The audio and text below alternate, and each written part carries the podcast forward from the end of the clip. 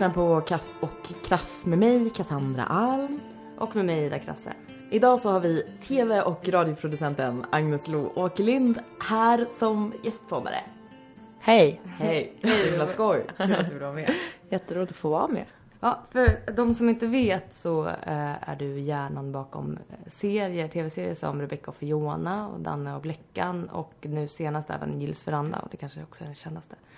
Eh, men i början av din karriär så var du också programledare på radio för bland annat Catch-up och Sommartoppen. Eh, och vi upplevde det som att en röd tråd i dina projekt är feminism och ifrågasättande av normer. Vi får svar på det senare. Men därför tycker vi att det är extra kul att du vill vara med. Här, eller att vi får vara här hemma hos dig. Exakt. Alltså först bara lite så här övergripande innan vi går in, att vi pratar med dig lite för att du är i en, den här branschen och som vi tycker är intressant sådär. Men vad, är, du, jag gissar att du är feminist? Jag vill inte kalla mig för feminist utan mer... Skoja. Tråkigt. Börja packa ihop grejerna. Jag är humanist. Går härifrån. Ja, precis. Eh, Ja, men det är klart att jag gör. Ja. Ja. Men vad, vad rotar sig det i? Eh, vad, eh, hur menar du? När det kom, när det kom till mig? Ja. Jag tror att... Gud, vad svårt. Men jag har alltid haft liksom ett... Eh, från min barndom har jag nog med mig ett starkt så här rättvisepatos, typ. Ehm, för att jag bodde på ett ställe där många människor var engagerade i olika kulturfrågor, rättvisefrågor, um, sådana saker. Det var väl inte liksom någon där på den tiden då som var uttalad feminist. Liksom nästan överhuvudtaget ju. Så. Inte på samma sätt som idag i alla fall. Men det har alltid funnits med att så här, antirasism och ehm, klassfrågor och sånt där har alltid varit så här närvarande. Liksom. Så att då att bli eh, medveten om eh, alltså att vi lever i ett patriarkalt samhälle, så här, det var inte så ja, det var inte så stort steg att liksom se de orättvisorna också. Jag tycker att jag är uppfostrad också av, jag är uppfostrad av två feministiska föräldrar, även om de först på senare år har börjat kalla sig för feminister. Ehm, och tycker att jag har, jag har två brorsor, tycker att jag har blivit um, eh, liksom jämställt uppfostrad. Så här. Ehm, såklart det fanns könsroller, så här, mina föräldrar och så, bla bla bla. Men och också så här, jag har alltid vistats i miljöer där ehm, andra saker än så här, traditionellt flickiga ehm, grejer eh, uppvärderas liksom. Alltså jag har hållit på med hästar hela livet och det är ingen, ja men det är liksom en speciell miljö och Mm. man eh, och också att så här, jag lärde mig tidigt att jag har ett värde liksom. Och att eh, det jag gör spelar en roll och att min röst är lika mycket värd som andras. ehm, och sådär. Så att det är en massa saker som liksom har gjort att det varit helt naturligt att bli medveten om de här frågorna. Och sen så när jag väl började kalla mig feminist, jag tror att det var så här relativt sent, det uppvaknandet att säga jaha, det finns teorier om det här som jag har upplevt. Det finns ord för vad jag har upplevt. Det är fler som har blivit utsatta för de här sakerna som jag har blivit utsatt för. Det tror jag kom med en sån klassisk bok som Fittstim. Eh, och sen efter det så här, under det rosa täcket. Och då var det som en helt ny värld öppnade sig. Man bara, ja men just den där identifikationen och så här, jaha, får ingen sagt det här? Det var det här som hände när det där hände. Och det var den här strukturen som eh, tillät det här att hända. Eller att jag kände så, eller att jag kände si. Så att, eh, glömt bort frågan och eh, har svårt att få ihop mitt resonemang på slutet. Men ja, Ja men typ Ja, bara... så. Mm. Alltså du började jobba på radio väldigt tidigt, du var bara 19 då. Mm. Ehm, hade du, känner du att du hade med dig de här feministiska tankarna i jobbet redan då? Ja, det hade jag. Och sen så stärktes de och vidgades och blev... Eh, jag blev mer kunnig inom området. I och med mitt jobb. Nej men dels för att... ehm, eller väldigt mycket för att jag jobbade dels med ett program som handlade mycket om så här... Eh, det var det programmet Ketchup som var till för 14-åringar. Och kanske mest så här 14-åriga tjejer. Eller i alla fall min så bild av eh, vår målgrupp på något sätt. Så här fjortis-tjejer. Också så här traditionellt nedvärderad grupp människor liksom. Mm, Så här, Ja, fjortisar som gillar pojkband och så här. Ehm, och de älskar jag och gjorde även då. Så dels det att jag hade den målgruppen i fokus och att det handlade mycket om som sagt så här, liksom identitet och uh, orättvisor. Ja men så här vanliga så här, tonårs liksom ämnen. Och sen så väldigt mycket för att en tjej, hon som var programledare när jag började som praktikant på Ketchup tror jag att hon, jag tror att hon var programledare, eller så blev hon det tätt in, in på där. Men det är i alla fall en tjej som heter Åsa Avdik. Mm. Som jag blev jättegod vän med, eller vi blev bästa vänner. Och hon är lite äldre än jag och hade liksom en, en helt annan kunskap i de här frågorna än vad jag hade. Så hon och jag fick en så här, ja men du vet när det bara så blir elektriska hjärnor tillsammans och bara så här. Ja, vi pratade skitmycket om de här frågorna, jag fick låna massa litteratur av henne och så här. Så att det var väl liksom eh, och sen så var vi en feministisk redaktion. Min producent Christian Gillinger var också eh, medveten feminist. Ehm, och vi hade liksom sådana frågor väldigt högt på agendan. Och också så här ett medvetet, att vi räknade. Ja. Precis, jag, jag tänkte just fråga dig hur tog det, hur tog det form liksom rent konkret? Alltså nu kan jag tänka mig om man, det här var ju 99. Så om man skulle titta på det nu eller gå tillbaka och lyssna på programmet så skulle man säkert hitta massa grejer där man bara Fan, tänkte vi här? Eller typ. Men att vi var väldigt, väldigt eh, medvetna om att inte försöka hamna i klassiska så här, trista könsrollsfällor. Att försöka ha samma tilltal till killar och tjejer. Eller ändra tilltalet. Att man gullade med killarna och var cool mot tjejer. Ja men ni vet så här. Enkla grejer. Att vi såg till att vi hade våra gäster att det var 50-50. Eller gärna 70-30 liksom. För att jämna ut orättvisor så här. Att vi hade en bra spridning på vem som fick prata om vad. Och på vilket sätt. Ehm. så att det var väl liksom. eh, ja men vi hade en sån. Var väldigt medvetna om de grejerna. Och att vi hade så att tog upp ämnen som typ. eh, ja men att vi var normkritiska och Mm. så här, och att vi också kände väldigt mycket att vi ville erbjuda ett, ett annat alternativ än den majoritet av media som fanns då som riktade sig till den här målgruppen. Till både killar och tjejer. Att vi ville vara ett så här sundare alternativ typ. Eller så här, en schysst stora syster typ. Hur togs det emot? Ja, förlåt. Nej. Eh, tycker jag publiken liksom, märktes det att ni stack ut eller var det liksom, togs emot som självklarhet? Alltså jag upplever att klimatet har blivit mycket hårdare nu och att det liksom gapas på om så här vänsterextremer och eh, feministfittor och ehm, att SVT det är bara fi allihop. Alltså det har blivit mycket mer så här eh, en hårdare jargong. Så vi fick aldrig liksom något skäll för att vi ville vara rättvisa. Men när vi gjorde ketchup. Var det kanske för att folk inte... Alltså idag är man mer... Det känns ju som att feminismen har fått ett större, eller det har ju fått ett större genomslag nu, Mm. liksom, man är mer medveten. Eh, men i och med det så blir det ju en större mot... Ja precis. Också, folk kanske inte riktigt uppfattade det då. Alltså förstår du vad jag menar? Exakt. kanske, kanske mer bara gick igenom och det skapar massa grejer hos människor men man fattar inte riktigt medvetet Nej. vad det handlar om. Nej, precis. Ja. Jag tror aldrig att vi fick så epitetet så här feministradio. Nej. Som det kanske skulle vara nu. Jag vet Ja. inte riktigt. Och sen så sa vi väl aldrig heller att så här. Jag tror inte att vi pratade om femin... Vi pratade inte så mycket om feminism. Men vi såg till att vi ville ha en rättvis, ja men som jag sa, fördelning på gäster och de som var med och hur man, ett tilltal och så här som kunde. Eh, men sen så fick man ju, det jag märkte var ju, alltså jag fick ju jättemycket hat och hot. Du fick det det? var så? Ja, det är klart. En så här 19-årig, 20-årig tjej i radio som sitter och pratar. Mm. Hur Alltså, tog, vad sig, hur tog sig det form då? För det är lite innan, eller? Nej, mail. Det var mail liksom. Ja. Och sen vanliga så här läskiga handskrivna grejer också. Ja. Men mycket mail. Ja.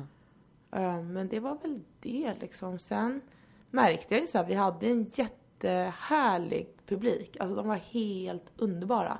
Vi var jävligt tidiga med att ha så här chattfunktion. Så Mm. att när vi sände radio så hade vi ketchup-chatten uppe. Så satt vi och chattade, eller jag satt och chattade med Mm. lyssnarna samtidigt som vi sände. Och det var så himla härlig liten värld som vi skapade där med så här Ja, nu vet jag inte exakt vilka det var jag satt och pratade med. Det kanske var så här Ulf 48. jag har ingen aning. Men jag Mm. tror att så här, lutfisken ändå var det han utgav sig att vara. Det vill säga en så här 12-årig Ja. pojke från Mjölby. Och sen så här Svart Lucia och allt vad de hette. Så vi fick jättemycket så här fin och god respons från våra lyssnare och från vår målgrupp. Och sen så fick vi, jag ganska mycket hot och hat från eh, Ulf 48. Mm. Ungefär som det är nu då. Ja. Men märker du, eh, för när jag tänker så här, Agnes Lo Åkerlind, då tänker jag att alla som är i den här branschen och som ska jobba med dig, de vet lite att du har så här ett normkritiskt tänk och Mm. ja, feminist ifrågasätter saker så. Eh, Men då kanske inte folk, nu det här ketchup-redaktionen verkar ju vara en väldigt medveten redaktion. Mm. Men sen efter det så gick du väl vidare och jobbade med andra saker som Sommartoppen och lite sånt där. Yes. Hade, märker du en skillnad i så här hur människor bemöter dig idag? Är de medvetna idag om vad du, Ja, just det. förstår vad jag menar? Mm. Intressant fråga. Jag vet det. Jag vet typ inte.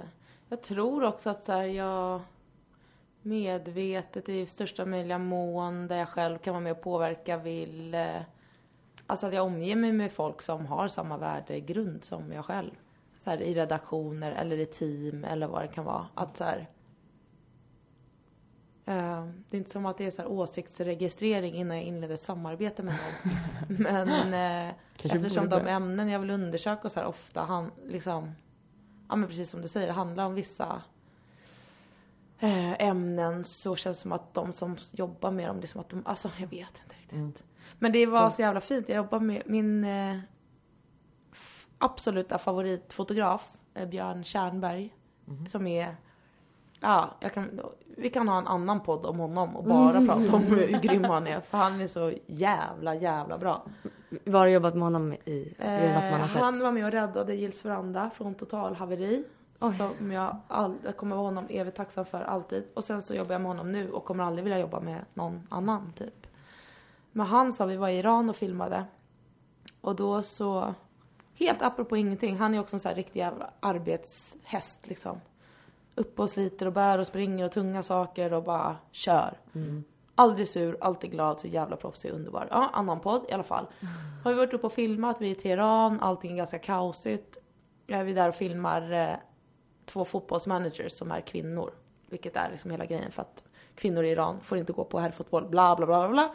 Upp och filmar, sen så åker vi därifrån och då bara ja, har vi gått upp skittidigt på morgonen och vi står och fryser och han ja, håller på och sliter. Så åkte vi därifrån i vår hyrda minivan. Så när vi är på väg ner från det där berget som vi var på så bara vänder han sig om och han bara Jag måste bara säga Jag är så jävla stolt och glad och tacksam över att jag får vara med på den här resan. Och allt du gör. Och att, han bara, jag har aldrig tänkt på sådana här frågor förut. Ja, för fan vad härligt. Ja. Ja. Men nu har jag verkligen fått upp ögonen och jag kan inte så mycket om, jag har ingen analys, jag vet, jag har inte läst några böcker.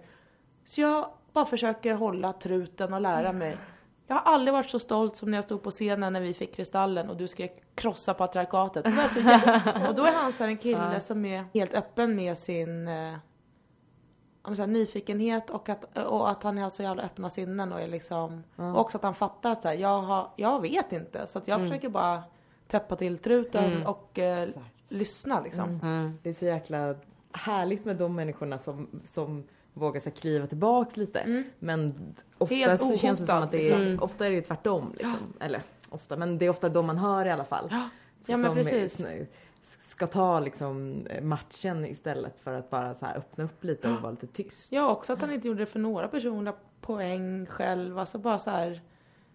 Ja men sån skön stil liksom. Och kan ändå bjuda på det. Men för, Ja, men det k- kan vi känna så här ibland att eh, i vår bransch så finns det ganska mycket män som är så här verbalt medvetna. Det här är kanske typ raka motsatsen till honom. Som är verbalt medvetna och så gärna kallar sig för feminister och så här. Eh, har rätt tänk någonstans utåt sett. Men som är sköna snubben. Och som typ man, som, som man ofta, eller vi ofta kan uppleva som, eh, de gör det för att plocka poäng. Och de märker inte att när de sitter och, och kör de här harang, feministiska harangerna så har de avbrutit mig tre gånger. Nej, eller, eller som, eh, så, så det känns också som att här, feminism någonstans eh, kan eh, ha blivit så här, en trend just nu så här, som är inne som är inne och säga fast de fast verkligen inte har en analys. Mm. Har du upplevt det i, i, i din karriär? Jo, men det har man väl alltid. Men jag tycker att jag är väldigt privilegierad ändå med att ha jävligt vettiga människor runt omkring mig. Mm. Och jag vet inte om det är för att... Men det är klart att det, det har att göra med så här, vart man bor och vad man jobbar med och allting. Men också för att jag orkar inte ha massa jävla trams i min omedelbara närhet. Nej. Det är så här, märker jag, jag har också varit på inspelning när man står och om man ska göra någon intervju med någon eller att man kommer hem och bara har eh, bara har stockar, alltså så här, miljöbilder, man säger, klippbilder på killar eller så här. Och så har man påpekat det. Eller man har gjort någon intervju med någon där som handlar om vissa frågor och det man har fått liksom, som svar har varit så en suck eller att någon himlar med ögonen eller tycker att man är... Åh, men gud. Mm. Oj, oj, oj, jaha, jaha, jaha. Oj, oj, oj, nu ska det vara det här Tjafset liksom tjafset igen. Och sådana människor, då, då vill inte jag jobba med dem något mer. För att det... Och också så här, nu är det så att jag är regissör. Så då är det jag som bestämmer vad vi ska filma. Mm, precis, du är ju lite i en situation där du kan... Ja, och det vill, så vill inte jag ha det på jobbet. Då vill jag hellre jobba med Björn. Perfekt. Som vi kan ha en dialog och som är schysst och skön och som hajar grejen och som gör ett svinbra jobb och inte ifrågasätter... Han kan ifrågasätta massa saker. Det gör han inte så ofta, men eh, han ifrågasätter i alla fall inte min vinkel eller min ingångspunkt eller varför jag väljer att ställa vissa frågor eller varför jag säger till honom att eh, du råkade komma hem med bara vi har bara klippbilden på killar nu, så kan vi inte ha det. Och den enda klippbilden vi har på en tjej är en jättesnygg ung tjej. Vi, så här, vi måste... Mm. Och då får inte jag så här, då himlar inte han med ögonen utan så här, ah fan vad bra, det tänkte jag inte på. Mm. Nej visst. Men kan du ibland eh, uppleva så här, för jag kan känna säkert också att man ibland, trots att man tänker mycket på sådana här frågor och så, så kan jag känna i mig, inte bara i jobbet alltså, utan alltid, men det kanske märks mer i jobbet, att jag eh, själv sätter mig i, alltså att, eller att jag själv är så påverkad av att vara så som man ska vara liksom. Som tjej, att jag, man blir kanske osäker i vissa situationer och man så här, låter någon annan prata istället för mig och man eh, blir så osäker på sina idéer, typ är det här bra och bla bla bla och all, alla andra måste säga till mig att det är bra, Bekräfta. typ, typiska duktig flicka grejer och sånt. Mm. Kan du känna sånt eller är du så här bara, är du bara inte sån? Jag menar? Mm. Jag tror att jag alltid har varit ganska uppkäftig. Har haft kanske mm, ett riktigt gott självförtroende. Mm. Och så här, har alltid blivit tagen på allvar. Mm. Så jag tror, det är klart att jag också har hamnat i sådana, eller så här. Alla tjejer har eh, mer eller mindre problem med att men för att vi blir utsatta för de här strukturerna, såklart. Att vi måste liksom förhålla oss till dem. Mm. Eh, och det är inte oproblematiskt. Och man eh, faller in i vissa mönster hit och dit och bla bla. Men just när det kommer till att så här, att lita på sin egen röst och att säga åt folk att de ska hålla truten när de avbryter. Det har aldrig varit ett problem liksom. Och att jag tror också att jag hittade rätt liksom ganska tidigt. Jag tror att det också har varit så här äh, en dominoeffekt av bra saker. Så här, första gången jag kom till radion och då gick jag typ i sjuan för min storebrorsa jobbade där. Mm. Nepotism i samhället såklart. Ehm, så gjorde jag en, fick jag gå ut och göra en enkät. Då var det så här rullband som man klippte på. Är uppenbarligen 150 år gammal. Eh, men då gjorde jag en sån enkät och så satt jag och klippte ihop det på en sån här klipp, klipp och så satt man och tejpade och så här. Det var kanske 13. Och så spelade jag upp den och jag fick så jävla mycket beröm. Mhm. De bara, det här är skitbra. Och det var så en enkät, hur svårt Ja. kan det vara? Men det är ändå en Ja. konst att så här, klippa ihop en enkät. Så Ja, det, och på praktik då förväntar man sig kanske inte att få göra. nej, Nej. precis. Och så här, så då fick jag så här, jaha, men det här kan, gud vad jag är bra. Ja. Och sen så på min praktik där sen, jag hade gått ut gymnasiet, började på Ketchup. Satt kvar och jobbade. Kommer också ihåg att en kille som heter Olle Garp som jag gjorde ett rep för till Ketchup Sport. Hörde av sig till mig någon gång när jag var på ett rave. Kom det ett sms.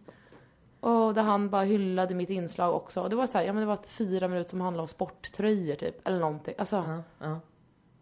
ja, men att jag bara så här hittade rätt typ ganska omedelbart. Och, och sen har det liksom mer eller mindre... Det har gått bra och jag har fått uppskattning för det jag gör och så här. Så att just i så min yr- yrkesroll, måste knacka nu. en dag kommer det gå till helvete. Men så är jag ganska säker liksom. Ja. Och sen kan man ju vara så här. Sen är jag, har jag jättemycket som jag tror alla kreativa människor som presterar saker så här. Ja men svin mycket, alltså här, En jättestor drivkraft är ju ett, en riktigt god dos självhat också. Mm. Eller så att jag är livrädd för att misslyckas. Mm. Eh, det här kommer gå till helvete, det kommer aldrig gå, det blir bara skit, fy fan vad dåligt det är. Vad håller jag ens på med? Jag sitter och klippar den här jävla skiten, kommer bli så jävla dåligt. Vad tänkte jag? Varför har jag inte gjort? Alltså så här, Mm. Det finns ju jättemycket av det också, men just när det kommer till så här, nej men... Ja men, ja. Det är både så här en... Eh, hälften hybris, hälften självhat typ. Men jag tror att jag har lärt mig också att så här, jag kan hata saker jag gör och tycka att jag är jävligt dålig och så här, varför gjorde jag inte si, varför gjorde jag inte så. Men just när det kommer till de här uh, grundläggande så här, vem är jag, får jag höras? De sakerna är jag ganska trygg i. Att så här, det är den här personen och jag, jag får höras. Mm. Och, eh, och ingen annan ska bestämma över vad jag säger och när. Nej. Men liksom, du sa så här att innan att du, när, eh, om någon avbryter dig så kan du bara säga till den typ. Mm. Är det, är, funkar det så liksom? Känner, hur, hur reagerar inte människor då? Eller så här, för om man tänker sig in i sin egen situation, om jag bara säger så här, men du, nu pratar vi. Det kan man göra om Mm. det är tydligt. Men ofta är det ju så subtilt liksom allting. Mm. Att det är någon som hörs hela tiden och man liksom bara hamnar längre och längre bak. Nu är jag ganska bra på att höra så nu ska inte jag sitta här och låtsas som att jag är någon. Men förstår du vad jag menar? Mm. Jo, exakt. Men jag tänker också att, fan men... Gud, jag har så svårt att minnas saker. Nu jobbar jag ju liksom, nu sitter jag och klipper Ja. med en annan person. Och eh, det går bra i det klipprummet. Så pratar vi typ lika mycket. Eller så här. Ja. Jag kommer inte, vet inte riktigt hur det brukar vara. Sen brukar jag oftast jobba med tjejer. Ja. Ehm, och, eh, men sen också så är jag inte så... Jag är inte så rädd för obekväm stämning heller. Det tror jag är, en, är någonting man ska bli bättre på också. Mm. Eller för jag, jag är ganska eh, dålig på att skapa eh, dålig stämning. Och det Mm. känns också som en så här typisk kvinnlig grej att så här, man ska alltid släta över situationen. Nej, Mm. det är inte... Alltså att man ska man vill att vara... det ska vara trevligt. Ja, det man är väl ska en behaga, fin liksom. egenskap. Jo. Ja. Jo. Men, men det, det kan också bli en utplånande egenskap. jo, att, precis. Att, att det är någonting som... I alla fall om inte andra är lika fokuserade på att det ska vara det. Liksom. Nej, eller vana vid att, Ja. att, att eh, man sköter den rollen. Liksom. Och det, det är nog någonting som, så här, som verkligen jag behöver öva på mer. Liksom. Att så här, men du varför sa du sådär? Eller så här, Mm. var inte det jävligt onödigt? Mm. Eller eh, just det, här, ja, men våga, våga stå på sig. Och, och så just, just för att folk kan göra det på ett jävligt fräckt sätt. Alltså, Mm. att, det är en grej om det är uppenbart att så här, nu är du svinotrevlig. Men, så men om, när det är sådär att Ja, men sagt, att man blir trampad på, på jävligt subtila sätt. Så, Jo, så kan det, då, då är det så här, nu säger jag ingenting så är det ingen grej. Säger jag någonting så blir det en grej. Men det måste, det måste ju också få bli för att andra ska... Men jag tror också om. ofta så... Nu, alltså...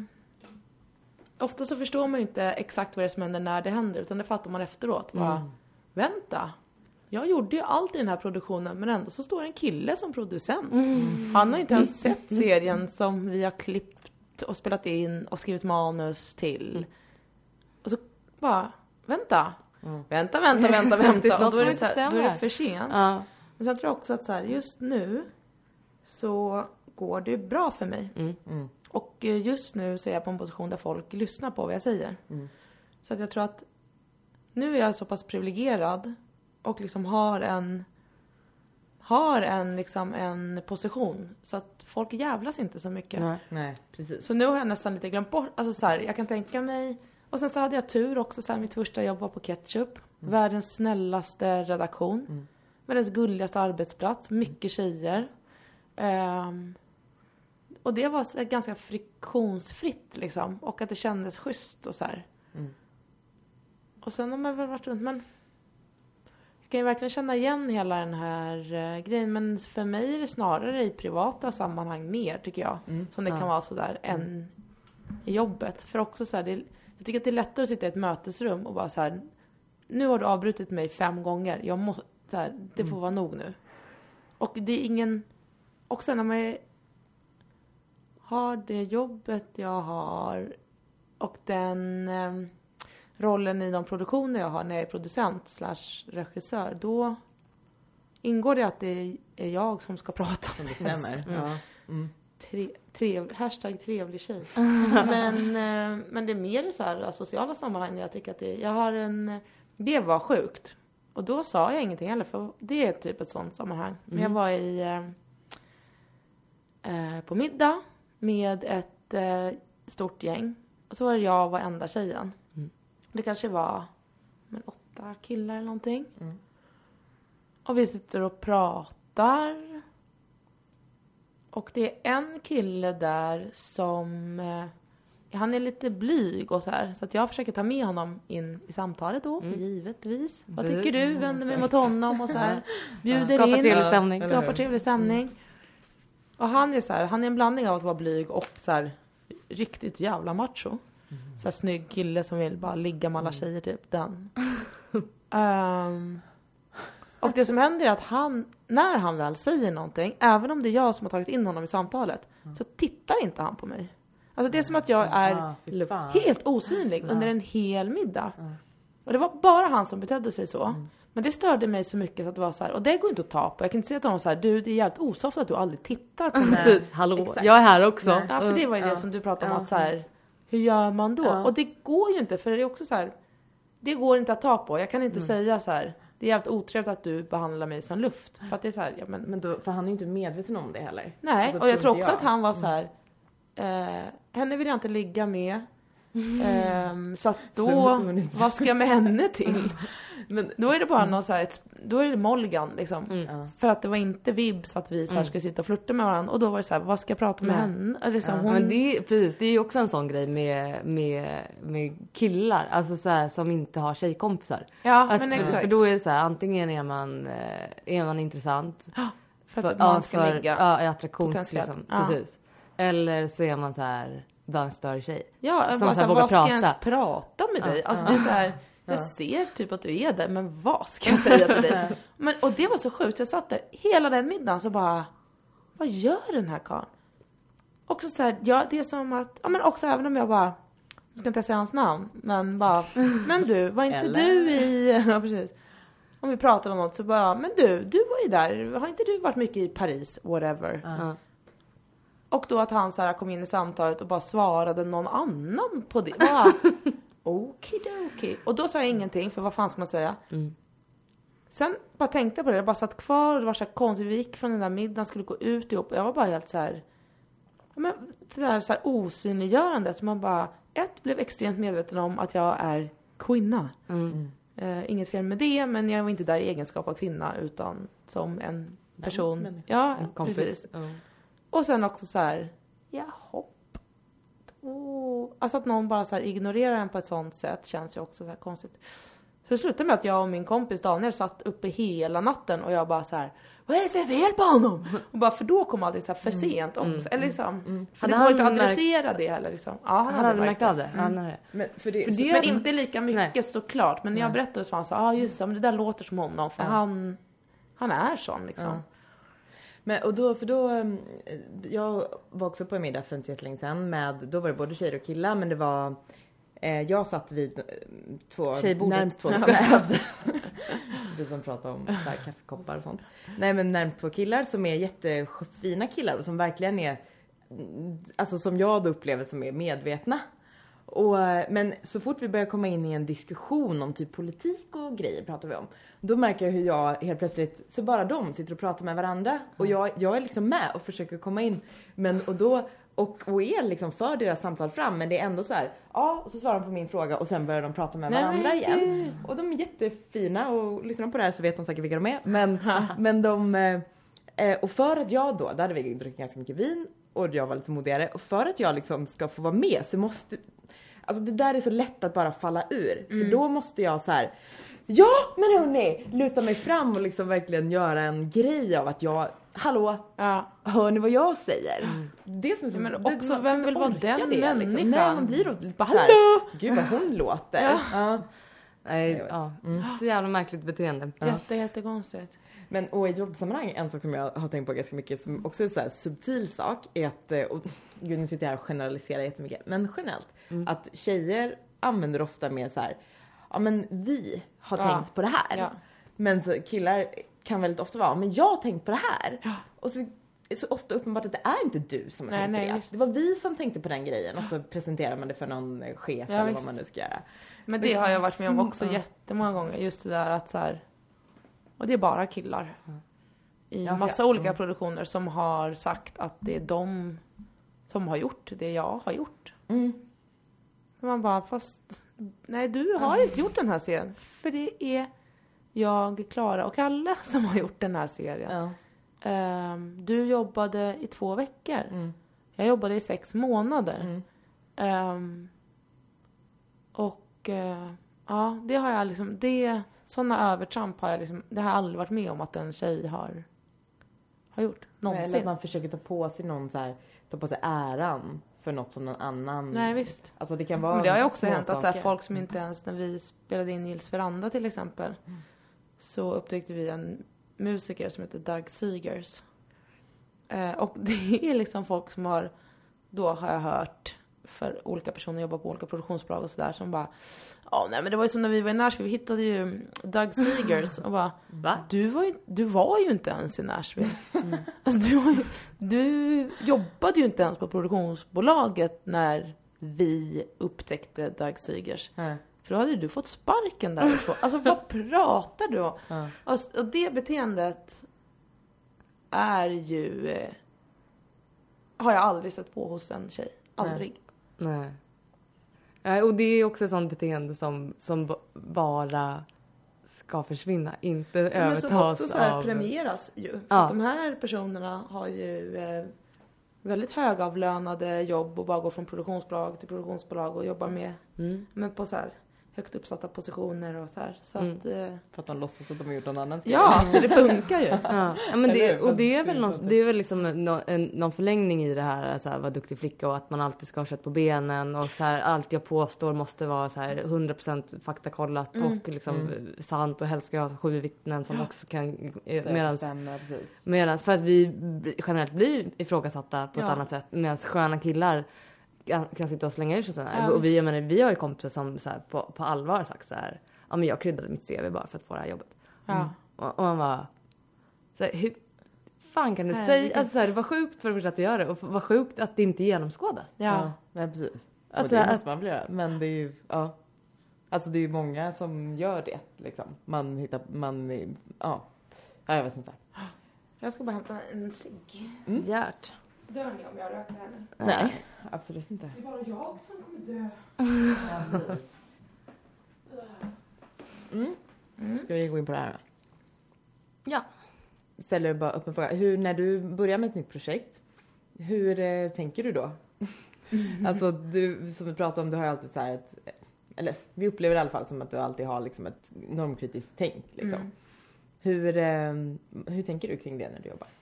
Mm, mm. Alltså det brukar falla sig ehm, naturligt för att jag ju är intresserad av de här frågorna. Så att då är det därifrån mina idéer kommer. Mm. Liksom. Mm. Ehm, och att jag blir intresserad av människor för att jag tycker att de bryter mot någon norm. Eller att det är någon eh, typ samhällsgrupp som inte får så mycket utrymme. Eller, alltså det är det jag går igång på. Så att, ja men sen jag träffade Rebecca och Fiona var inte min grundidé. Um, men eh, när jag träffade dem och började så här skriva manus och tänka på vad man ville göra för inspelningar och hur jag ville porträttera dem så föll det sig helt, alltså det var ju det jag gick igång på. Att det var två tjejer i en väldigt, väldigt mansdominerad bransch. Mm. Eh, DJ-branschen. eh, hela så här attraktionskraften för mig hos Danne och Bleckan var ju deras livsöden, deras historia. Eh, och den serien handlade mycket om så här, ja, men två ensamstående pappor och ett utanförskap liksom. Mm. Ja, det känns som verkligen att den serien hade kunnat bli något helt annat med en annan producent. Eller Ja. som skapar mycket mer macho. Ja men precis och att det, var, att det skulle vara det som var hela grejen och det är så fascinerande med så här, ja men liksom kamphundar och luvtröjor och gå i någon så här tunnel i en förort. Alltså du vet, hela Ja. den så här klichébilden vill ju vi undvika. Och det är det som är spannande att så här, vi tar någonting som på ytan ser ut på ett sätt och sen bara flippar man den fördomen liksom. Och samma med Gills veranda var ju så här, inte intressant för mig att göra om jag inte hade tillsammans med Klara hittat på, Klara Mannheimer, hittat på den, de här liksom ehm, eh, ja men vinklarna på programmen. För då finns det inget, varför ska jag, då Mm. blir det inget intressant för mig liksom. Hur, hur väcktes den idén? Vi har pratat faktiskt om Gills veranda tidigare i eh, det här, den här podden. Eh, när det gick, var det förra vintern? Eh, Så dålig på år och något- vad som hände. Men det var det väl Ja, va? Jag tror det. Ja. Ja, det var det. Hösten, Ja precis, Ja. hösten förut. Ja Just precis. det. Sändes väl i oktober tror jag. November. Ja, ah. skitsamma. Vill du börja bara med hur, hur väcktes det. idén? Ehm, jag hade precis börjat jobba på iWorks, produktionsbolaget, som utvecklare och producent. Och så sa min chef typ att, ehm, för då satt jag med massa olika så här små embryon till idéer som både var mina egna men också andra så här, som jag skulle utveckla. Och, ja, det var precis när jag hade börjat. Och så sa den här chefen att Jill Johnson eh, har kommit till oss. Det är asfett. Ehm, hon har liksom ett embryo till en idé. Skulle du kunna kika på den? Och då gjorde jag det. Ehm, och pratade med Klara Mannheimer på SVT. Och frågade henne så här, "Eh, skulle Jill Johnson vara en intressant profil för SVT? Och hon bara, ja, det är klart. Men det beror ju helt på vad det är för idé liksom. Vad, hur, hur, vad ska hon göra? Och då började jag tillsammans med Klara fila på det. Och den idén som Jill kom med var ett musikprogram som skulle handla om country. ehm, där hon ville liksom krossa en del myter och fördomar om country som genre. Men hon är ju ingen tv-makerska. Hon är artist. Eh, och hade inte tänkt så mycket längre än så. Men hon tänkte så här. Eh, det var hon som kom på namnet Gills veranda. Eller det kom i alla fall från hennes håll. Jag vet inte om det var exakt hon. Men, Ehm, och eh, hon hade tänkt sig en veranda i Skåne. Och bjuda Ah. in så här, kända gäster, musiker, kollegor. Och så här, samtala om country. Och, ja men det var det. Liksom, program. Ja men lite så. Lite mer åt mysigare hållet. ehm, tror jag. Eller lite mer lättsamt i alla fall. Och ehm, så började jag och Klara tillsammans titta på det och började så här, fan kan man göra någonting med det här liksom? Och då sa Klara, hon bara, ja för det första borde ni väl vara i Nashville? Mm. Jag bara, går det? ja, precis. Ja, det går. Jag bara, okej. Och sen så började vi lyssna på country tillsammans. Jag pratade jättemycket med Christian Gidlund. Eh, som ju var så stor country-älskare och kännare. Eh, och så här, ha- han hade alltid drömt om att en gång flytta till Nashville och bo där liksom. Mm. Började prata med honom och fick ett jättesug efter Nashville också genom honom och så här. Och sen så började det bara ta form. När vi började lyssna också så var det så här, country handlar ju om så här tro, hopp och kärlek och brustna drömmar och brustna hjärtan och sorg och Countryn väjer, ja men precis. Mm, mm. Och countryn väjer ju inte för svåra frågor som så här döden och sånt där. Och där, då fin, där finns det ju massa intressant att börja skrapa på liksom. Och eh, en countrylåt är ju i en del fall, i mitt tycke de bästa fallen, en tre minuters mm, liksom nästan film om, om viktiga grejer liksom. Mm. Så att då föll det sig ganska naturligt att så här, men fan den här låten handlar ju om Ja men så här, Johnny Cash på Folsom Prison. Ja men då är han där och spelar för fång. Vad kan man göra på det?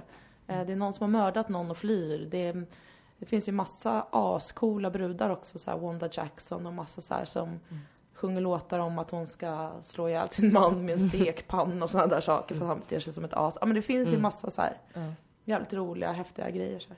så att så började det. Mm. Eh, alltså vi, Jill, det, vi tyckte väldigt mycket om det här programmet. Ja, Och eh, en av de grejerna som jag tror vi båda gillar ganska mycket var att eh, Jill kände så det var liksom skönt med henne att hon kände, för gästerna som var var ju ganska såhär, det var Kakan Hermansson, eh, Christian Gidlund och ja, många till tio, liksom folk som har en analys, enligt min uppfattning i alla fall. Och, som, Mm. och det var ju det det handlade om, liksom, de kom dit och eh, bröt på något vis liksom. Lite ny mark typ, Ja, säger. precis. Ja. Eh, och det var mycket så här klass och ja men åkte till trailer parks och sådana grejer. Ja. Mm. Och eh, Jill, hon, jag antar att det, eller jag vet inte, jag ska fråga dig nu. Vi, vår känsla var att hon, eh, det blev en bra grej att hon själv inte var en person som hade jättedjup analys kanske i den här typen av frågor. Och att det känns som att det var typ så koden för att, eh, att det skulle bli både ett så här, både ett smalt program eller vad man ska säga som är liksom för människor som funderar mycket på sådana här frågor. Men också för den stora massan för att hon var liksom på så här, i min fördom nu då så här, någon liten småstad i Vänersborg där jag kommer ifrån. Så här. Och där gick hon hem jättemycket Ja, och man så här, folklig nej men jag vill inte liksom. Ja, åka till de här trailerparksen. Ja, vad, Ja men precis, hon fick ju representera så här inom stattecken så här, den vanliga människan Ja. typ. Ehm, och också att så här, ehm, ja men precis som du säger, det var väl det som vart, eller som blev så lyckosamt liksom. Och att vi försökte hålla oss undan från så här pekpinnar eller att, och att man får säga så här, jag fattar inte. Mm. Nej, det var Så hon sa ju till. Kakan, Ja. eh, minns jag inte riktigt, men hon bara, jag fattar inte, vad är grejen? Du vill bara vara lesbisk, vad är Ja, problemet? Så, så an, Mm. För att hon bryr sig inte. Hon, Nej. är, hon skiter väl i Mm. vem folk älskar. Hon är ju Mm. bara så här, toppen att ni gillar varandra, Ja. kör på det. Ja. Det är väl inget problem. Nej. Eller? För att hon har inte blivit liksom utsatt för liksom. Nej, eller som Homofobi, när till nej, exempel. precis. Eller som när Tio såhär, nej men, ja men det finns ju typ inga svarta inom country. Hon bara, nej, ja, det Gör har jag inte tänkt på. Man bara, ja men det är ganska befriande Ja, att, det kan man, det, att det är onervöst liksom, beteende hos ja men henne. precis. Som väldigt många andra inom så här, ja men som inte skulle säga det för man förstår att så här, åh gud vad dumt om jag säger så. Ja För- men precis. men det, Också det att hon inte hade en, eh, hon var ju så himla fin på så sätt. Hon, hon var ju så öppen. Mm. Jaha, berätta mer. Fan vad, det här låter ju inget bra. Nej. Och också att hon lärde sig så mycket att det vart en fin så här, dramaturgisk båge av det också. Att hon kunde gå in i saker först och vara så här, det här är väl ändå inte ett problem. Och sen fick hon se saker under programmets gång och kom fram till en slutsats att så här, fan, jag har trott att man, om man är lesbisk, då behöver man komma ut en gång. Och sen är det väl bra med det. Mm. Och sen träffade hon Kakan och Kakan säger så här, jag behöver komma ut varje dag, flera gånger, du vet. Och att, eh, ja, att det liksom var ett, det, var, det blev fina möten i det liksom. Mm. Verkligen. Och sen hade vi eh, våran, eh, våran underliggande plan var ju såklart, vi, vi ville göra ett program såklart som får stor spridning och stor tittning. Det vill man ju alltid. Eller jag i alla fall vill ju att få, så många som möjligt ska se det man gör.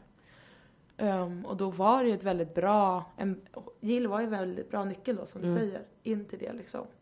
Ehm, och att vi tänkte så här, att vi ville nå de här tittarna som kanske mest i vanliga fall tittar på TV3. Så här, ensam mamma söker, um, Lyxfällan, sådana saker. Så tänkte så här, om man kan göra något som appellerar till dem. Där de också känna sig inkluderade och inte, Skrivna på näsan. nej men precis, och inte så här, inte dumma eller bara så här. Och blanda det med så här, bra musik, härliga möten, roliga eh, grejer som händer, fina bilder. Men med ett annat Under, Ja men precis, ja, med, med liksom andra underliggande teman så skulle det vara så jävla fett. För då Mm. kanske man kan nå ut till folk som i vanliga fall bara skulle säga Wah! Ett program om femi- Mm. feminism, men fy fan vad tråkigt. Men är det det, tror du att det är för, alltså en eh, grej vi hade tänkt prata om dig var ju så här, hur når man ut på ett smart, inom citationstecken, sätt liksom? Mm. Om, i och med att alla har olika erfarenhet av, liksom, eller ja men erfarenhet av feminism eller rasism Mm. eller vad det nu än är. Är det här, är det liksom ett sätt att... Jag det- tyckte är att det var ett tänker? smart grepp. Mm. Och sen också så handlar det ju om man, det som jag jobbar med, eller som vi jobbar med, är att berätta berättelser. Och då väljer man ju som programmakerska vilka berättelser eh, man vill berätta Mm. via personer liksom. Och då handlar det om att göra den berättelsen så pass bra så att folk vill se. Mm. Och då kan man ju så här, får man med sig tittarna på så här, kolla på de här roliga, fascinerande, ascoola tjejerna, Rebecca och Fiona. Kolla, det är kul att titta på det här. Hur ska det gå för dem? Kommer de lyckas med sin dröm? Om man får med sig tittarna på tåget, då kan man ju lura iväg dem på allt möjligt. Då bara sitter man på ett tåg som handlar om så här feminism och så tuffar det iväg. Och så har man bara fått in det. Mm. Eller så här, då, så att det handlar ju om att så här, för mig, att så här, göra någonting så pass bra så att folk vill titta på det. Mm. Det är det som är så här förpackningen. Mm. Sen tycker jag att det är svinbra att det finns så här smalare typ, såklart så här, att det, Mm. Jag tycker att det ska finnas ett brett spektra kring sådana här frågor. Och det är skitbra att en del saker är folkliga som Gills veranda. Och det är jätteviktigt att det finns en feministisk podd. Mm. Separatistiska rum. Eller liksom där man kan bara sitta och diskutera små, små delar av den här stora rörelsen liksom. Mm. På ett jätteinitierat sätt. Som så här, gemene man inte ens skulle förstå. Vad, Nej. De här orden, vad betyder de? Och det är väl jättebra om allt det där finns liksom. Mm. Men eh, det är ju tråkigt om de här samtalen om grundläggande så här, mänskliga rättigheter och eh, värdegrunder och orättvisor. Det skulle ju vara hemskt om de ämnena bara, om det bara fördes en diskussion om dem i små, Mm. väldigt initierade rum. Mm. Mm. Så att det är väl asgrymt om, eh, om liksom, i en drömvärld så skulle ju alla program oavsett vad de handlar om ha en schysst könsfördelning bara på de som är framför kameran. Mm. Eller eh, det skulle vara skithärligt om Let's Dance-juryn var två män och två kvinnor. Nu är det väl kanske det. Ja, Ja, men du det vet såhär matprogrammen, Mm. Whatever. ja. Ja. som, inte, som inte handlar om de här sakerna. Nej. Ehm, Men hur bra tycker du att eh, Sverige är på det då? Svensk media? Eh, inte särskilt bra. Nej.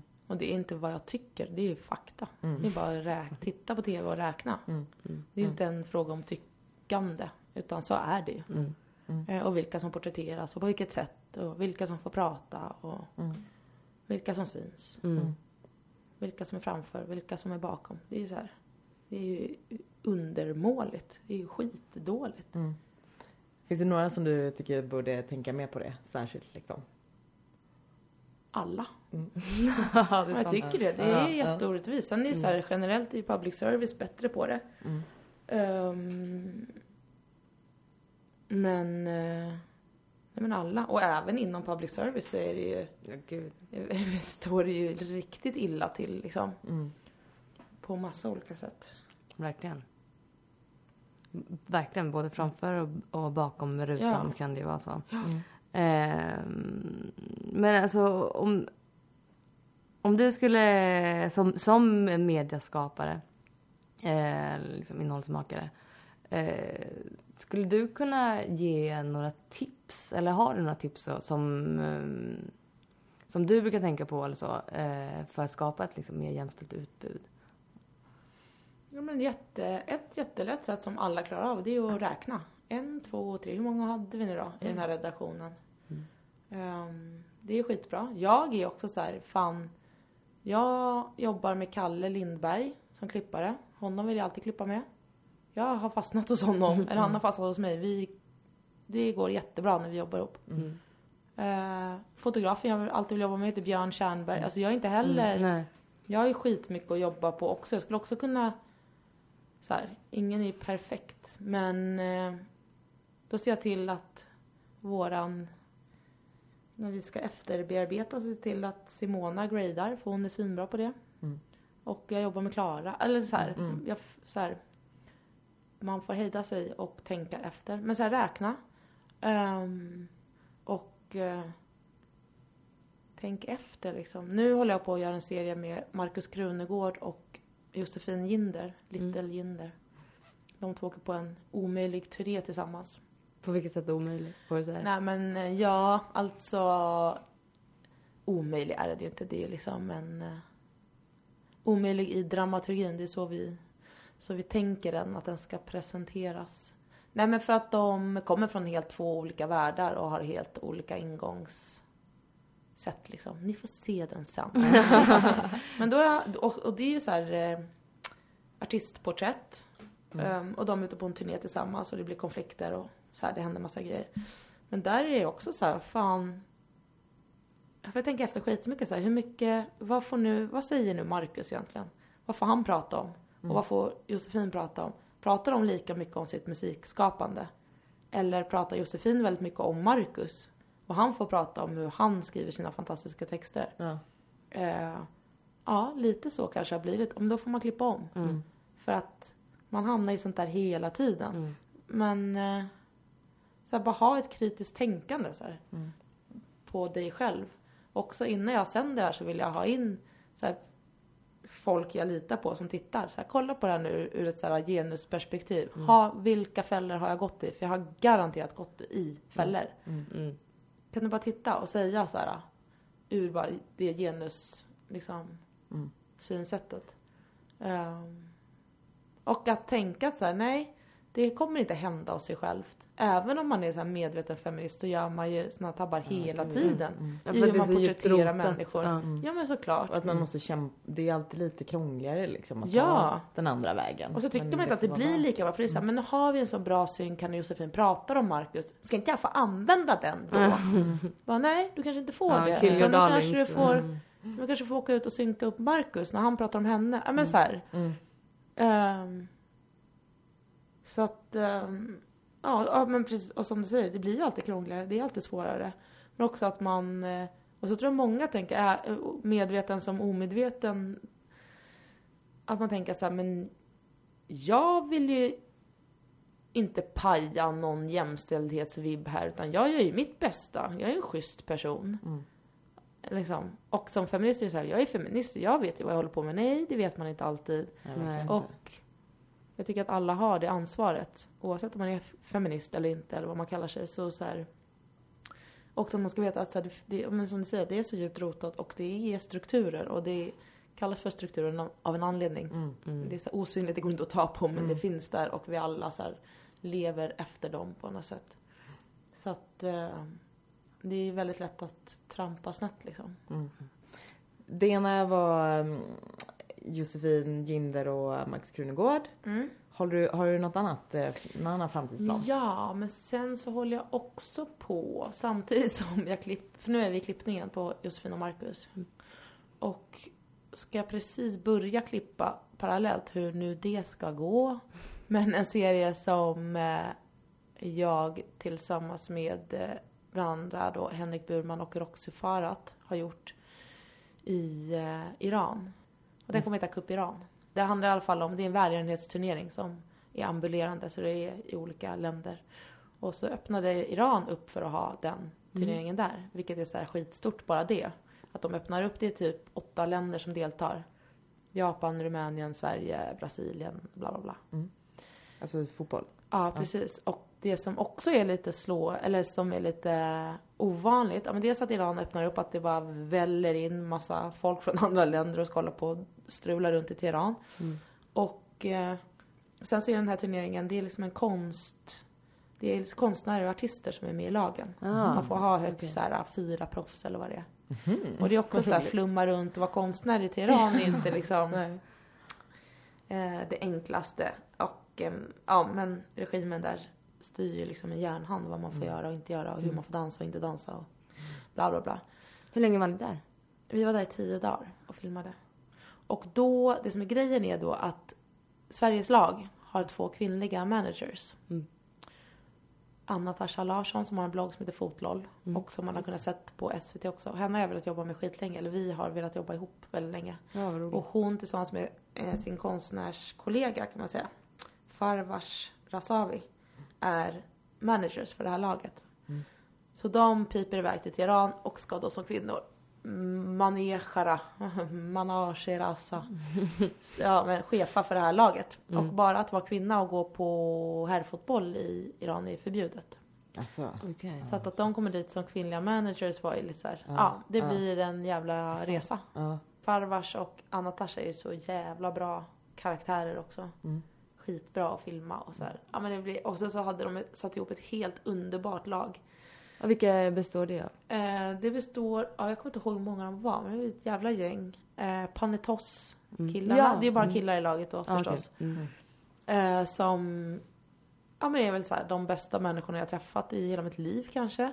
Alltså så himla glada, snälla, ödmjuka, roliga, carefree. Alltså så här, helt underbara. Jag dansar pausa i min nya favoritlåt. Alltså den är så bra. Du och alla sjuåringar. Ja, alltså.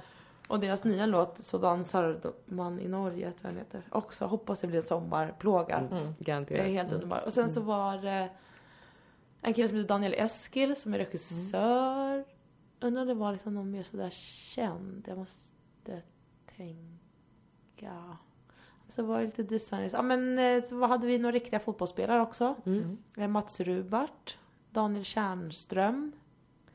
Eh, ja, det var ett gäng Mm. Ja. jävligt Ja, härliga, roligt.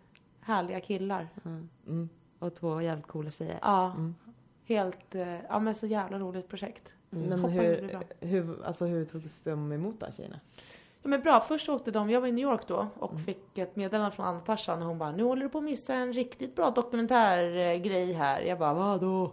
Hon bara, "Vi- jag och Farvars åker till eh, Iran på fredag, det här var typ en tisdag, för att Alltså berätta om den här turneringen och då skulle de åka dit för att vara med i lottningen. Mhm. Mm. Så då fixade jag och Henrik Burman en eh, fotograf där som filmade dem. Mm.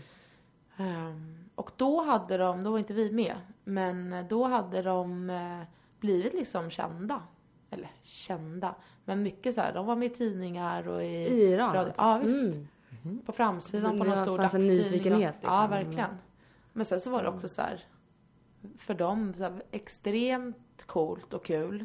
Men också väldigt så här svårt och jättekänslosamt och så här. Mm. De blev ju väldigt väl emottagna av de absolut flesta men så här, äh, lagarna i det där landet är inte till för dem liksom. Så att det var väl väldigt svårt för dem att eh, förhålla sig till att vara en andra klassens medborgare på det sättet. Mm. Mm. Och sen så när vi var där så var det första dagen. Um, de här matcherna spelades på Azadi-stadion. Fri, Frihetsstadion. Som Ironiskt. ja men verkligen. Och på den stadion så får inte kvinnor vara. Okej. Hur löstes det då? Ja men då var vi skitnervösa första dagen när vi kom dit och bara ska vi, får vi ens komma in Nej. på stadion? Och hur blir det då? Alltså att Farvars och Anna som var managers, att de skulle få vara nere vid, pla- vid planen liksom. Avbytarbänken Ja liksom. men det Mm. var ju bara att glömma. Det, ja men det, absolut inte. nej, nej, nej, nej, nej. Så de var ju så här, kommer vi ens få vara inne på stadion när vårt lag spelar matcherna? Ehm, och hur det Gå. gick får ni se på SVT. Nej men så det var ju massa sådana där saker. Mm. Såklart. Ja, och sen en massa små, små vinster. Det var ju så här fett historisk grej. Mm. Både att Iran öppnade upp för alla de här lagen som kommer dit och för att Anna och Farvars tog liksom tog den där platsen Mm. och fick göra det. Eh, och sen så var det skitfint också för att Farvars pappa Abbas Rasavi är eh, eh, de är från Iran. Och han brukade träna Irans Iransk Irans, Irans. Irans. Iran. Han brukade träna Irans eh, herrlandslag. Aha, så han är så här eh, känd där, känd Ah, ja. fotbollstränare. En helt fantastisk man. Som bara pushade fram Anna Tasha och Farvars och eh, kämpade för att Iran skulle godkänna att de två tjejerna fick vara managers för laget. Det var han som liksom eh, ja men verkligen slet för att det, för att liksom, det skulle hända. Och han var jätteinne på att så här, ja men göra ett förändringsarbete och så här. Ja, fan coolt. Ja, Härligt. Ja, Jag ser fram emot jättefint. att se. Mm, jag ser fram Spännande. emot att börja klippa. Ja. Även om det kommer bli jävligt skitsat. Vad tror du att det blir i mängder och längder? Och Jag så? vet inte. Jag ska börja kolla nu. Har Kave eh, Akaber som klipper. Ja. Han har precis eh, satt sig med råmaterialet eh, och har börjat lägga upp liksom eh, eh, grova linor bara Mm. så här. Börjat Mm. klippa bara långa Mm. dag för dag. Mm. Så ska vi kolla på det ihop på måndag. Eh, så då efter det har jag väl någon typ av uppfattning. Men det som är skönt är att det ska ligga på Edit. Mhm. Den här nya SVT:s sajten. nya- Ja, precis. Som det var sånt jävla halloj kring Ja, här i veckan. dagarna. Ehm, så det ska ligga där och det är på webben och där finns det ju hur mycket plats som helst. Ja. Så att vi liksom inte avhängda på exakt format och längd och Nej, sånt där. låttider. Nej, Nej. precis. Skönt. Så vi får se. Ja, så att eh, det är jävligt fritt och härligt. Så att eh, vi får se vad det håller för. Ni får hålla utkik. Ja. Eh, vi, vi har ju en programpunkt som är återkommande som heter Kass och Krass tipsar. Mm. Eh, som också är med gäst numera. Eh, har du några tips som du vill ge våra lyssnare? Jag vill ju skamlöst tipsa om mina egna två serier. Mm. Eh, den feministiska mardrömmen Krunegård och Jinder. Nej, det kommer, bli, det kommer bli bra. Jag måste bara vara på min vakt mot mig själv. Mm. Nej men eh, Krunegård och Jinder på turné. Som kommer sändas om, ligga på edit.se om, no, någon gång. Ja, Mm. framöver. Ja, framöver. Nej men om ett, en månad kanske? Mm. I maj någon gång? Tidigast. Ja. Ja. Maj, juni, maj. Mm. Måste komma upp i maj. Ja. Och sen den här Cup Iran. Då med Anna Tasha och Farvars. Och Panetos och hela de där. Alltså det kommer bli så jävla bra tror jag. Mm. Skitfint. Men sen borde jag tipsa om något kul och bra grejer. Fan skulle det kunna vara? Nej. Nej, jag tipsar bara om mina Ja. egna Vi saker. kan, börja, Ja. vi kan fortsätta tipsa så får du... Eh, Jag kanske får inspiration. Ja, precis. Vill du börja Cassandra? Mm, jag vill tipsa om eh, den eh, 9 maj om man är i Stockholm. Sen får man googla om man vill hitta ett annat datum.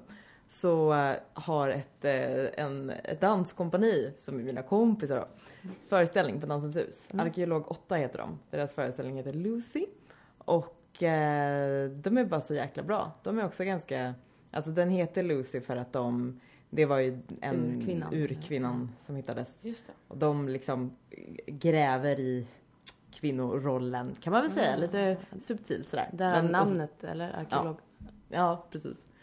Eh, Arkeolog 8. Den, sen är de bara så jävla grymma dansare. Så 9 maj är de på Dansens hus. Ja, kul. Kul. Mm. Var det något mer? Nej, det är för Ja. Alltså jag eh, har ett tips som är mm, nytt och gammalt eh, och väldigt roligt. Jag, eh, tack vare mina, mina kompisar Erik och Kalle, så har jag i år, den senaste månaden, eh, plöjt flera säsonger av en serie som heter RuPaul's Drag Race. Eh, vilket är en slags blandning av eh, Project Runway och Top Model fast för drag queens. Det finns på, flera säsonger finns på Netflix. Eh, och det är eh, en oerhört... Alltså det, och, och nu, sen, några veckor tillbaka, så ha, hade säsong sju premiär. Eh, och det är så här...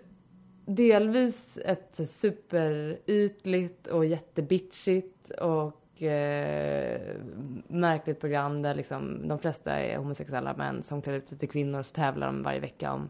En åker ut varje vecka och så här. Mm. Och tävlar i, i olika uppgifter och så.